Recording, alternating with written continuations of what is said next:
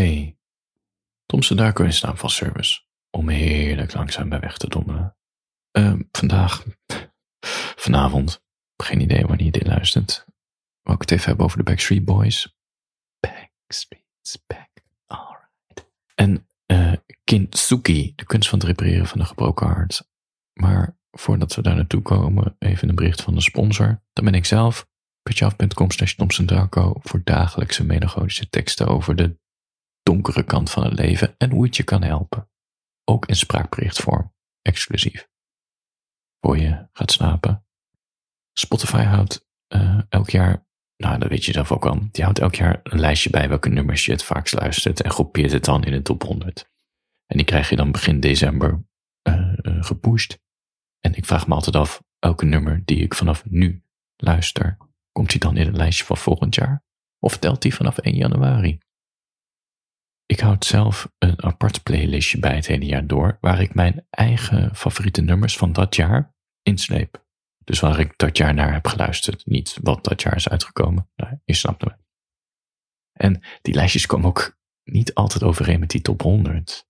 Want in mijn top 100 staat bijvoorbeeld Backstreet Boys. What the fuck? Alle meiden vroeger hadden t-shirts van de Backstreet Boys en agenda's en cd's van de Backstreet Boys. En ik wist echt alles over die levens van die gasten door die meiden. Ik kende ook al hun nummers door die meiden. Ik wist de sterrenbeelden van zijn geboorteplaats, relatiestatussen. Ik wist het. In groep 8 zaten we. Uh, ja, je kent wel die opstelling in, in klassen, toch? Dat je, weet je, twee en twee tafeltjes zo en dan allemaal gericht naar het bord. En de leraar had een soort U-vorm gemaakt in groep 8. Dus je zat, ja, links had je iemand, rechts had je iemand. En je keek dan naar degene tegenover je met de grote leegte in het midden. en naast me zat Anna. En zij had een crush op Brian van de Backstreet Boys. Dat is die gast met die krullen. En ze had het heel vaak over Brian. En ja, ik kreeg er toch wel een beetje minderwaardigheidscomplex van. Want ik vroeg me af, wat heeft Brian wat ik niet heb, weet je? Behalve krullen en een heel goed lijf en dat hij wel kan zingen en iedereen hem adoreert. Maar ik had iets wat Brian niet had. Anna kon mij elke dag spreken en zien en aanraken. Nou ja, je snapt het wel. Ik bestond. Brian was slechts een fantoom.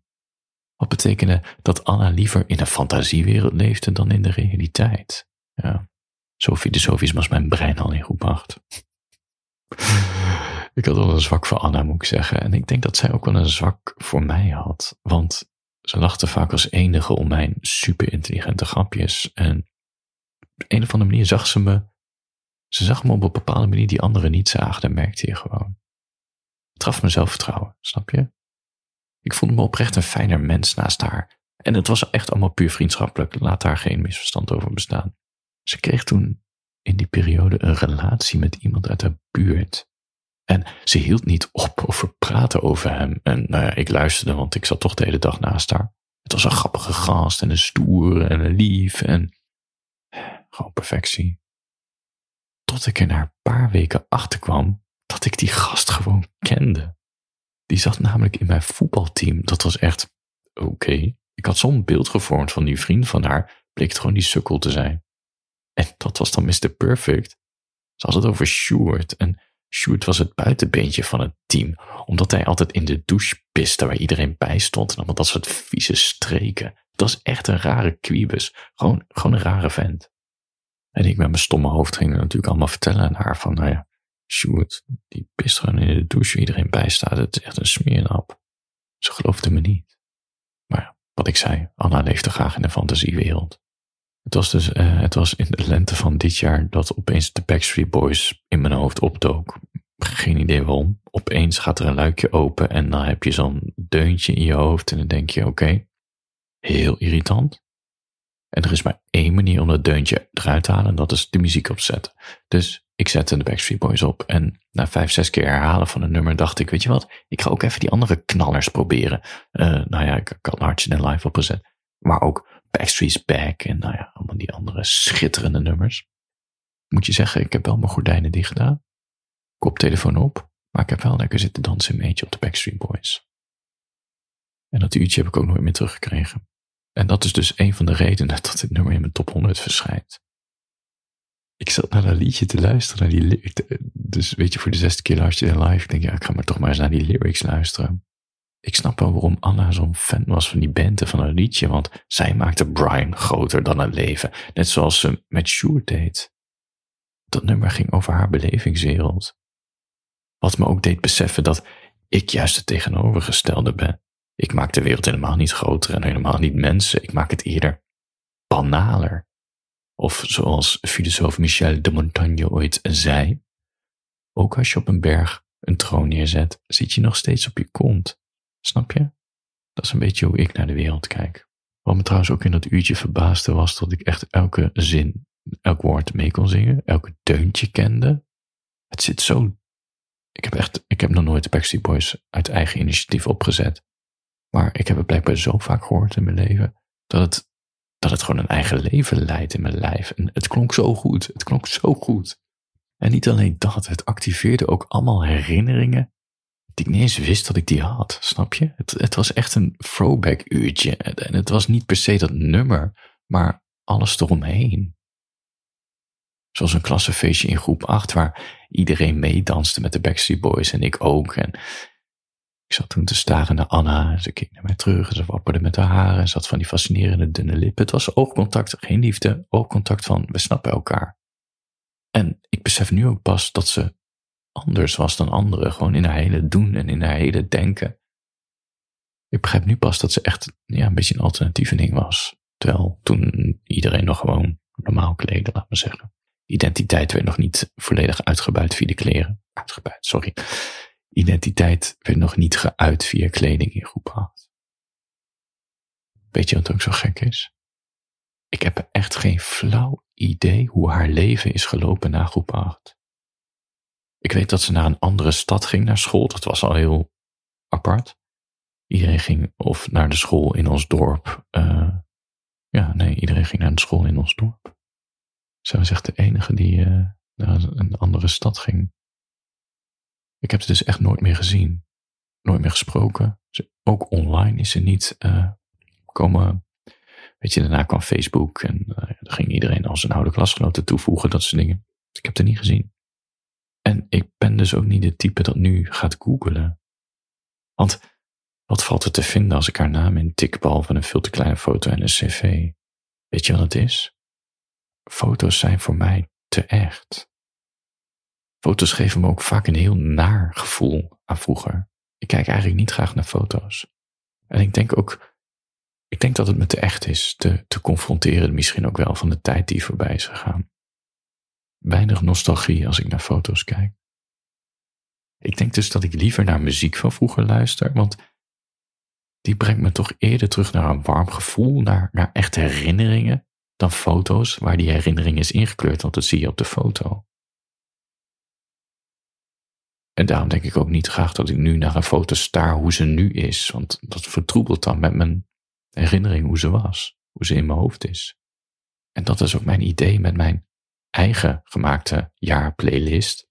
Daar staan een stuk of twintig nummers in, die mijn gemoedstoestand van dit jaar samenvatten. De hoogte- en dieptepunten, de nummers die op repeat stonden toen ik sombere hitsigheid aan het schrijven was, de nummers toen ik in een flinke herfstdip zat, de nummers die ik draaide toen er wat gevierd moest worden.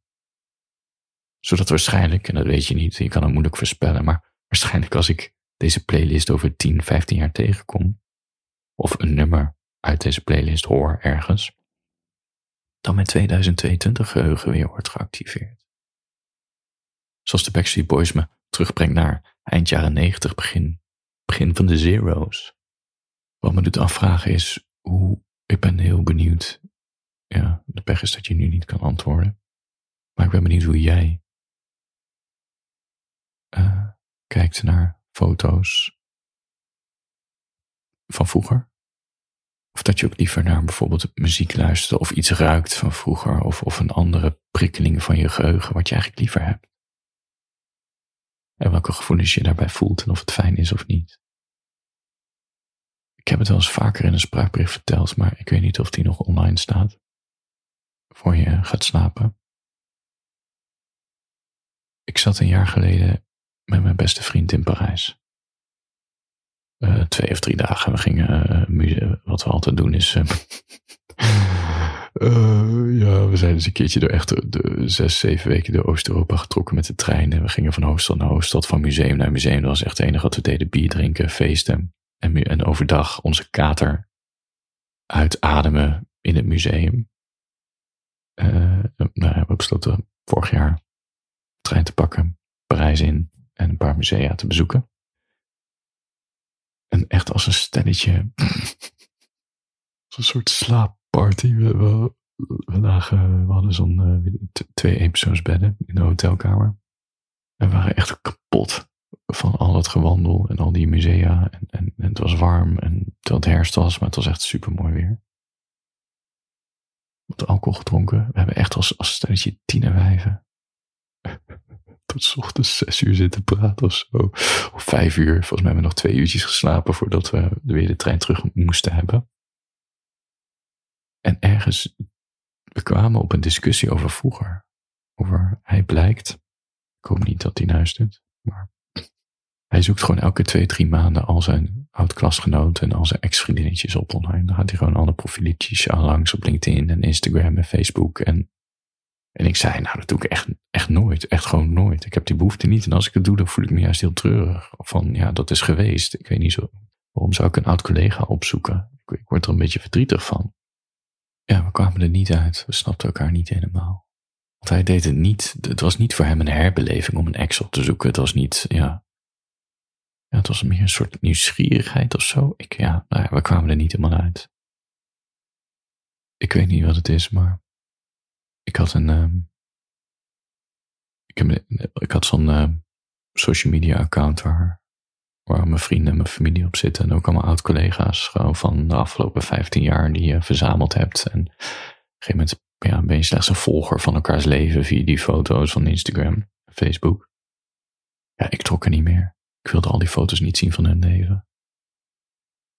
Ik heb ze liever gewoon in mijn herinnering hoe het was. Ja, het klinkt echt heel stom. Ik heb die accounts uh, gedelete. Ik laat, het, ja, ik laat het verleden toch liever waar het is. Want je hebt geen connectie meer met elkaar.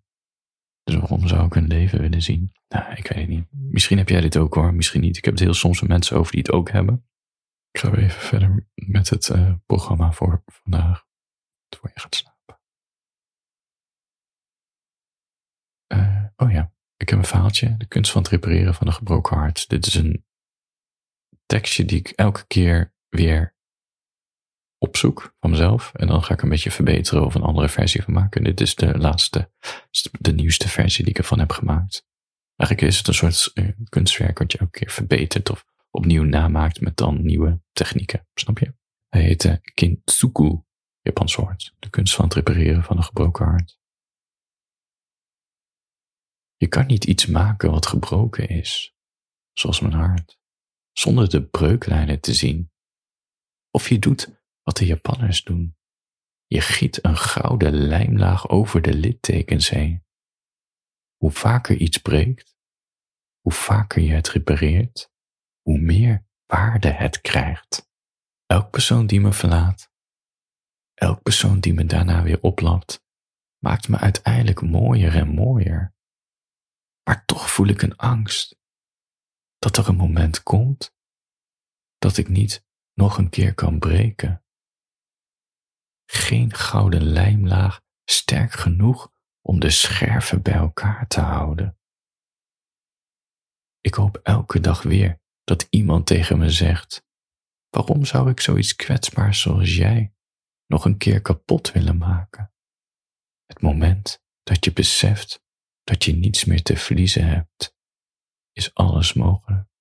Voor je gaat slapen, handjes boven de dekens. Denk even aan petjeaf.com slash Darko. Als je elke ochtend uh, wat melancholische inspiratie wil of een luisterberichtje. Slaap lekker.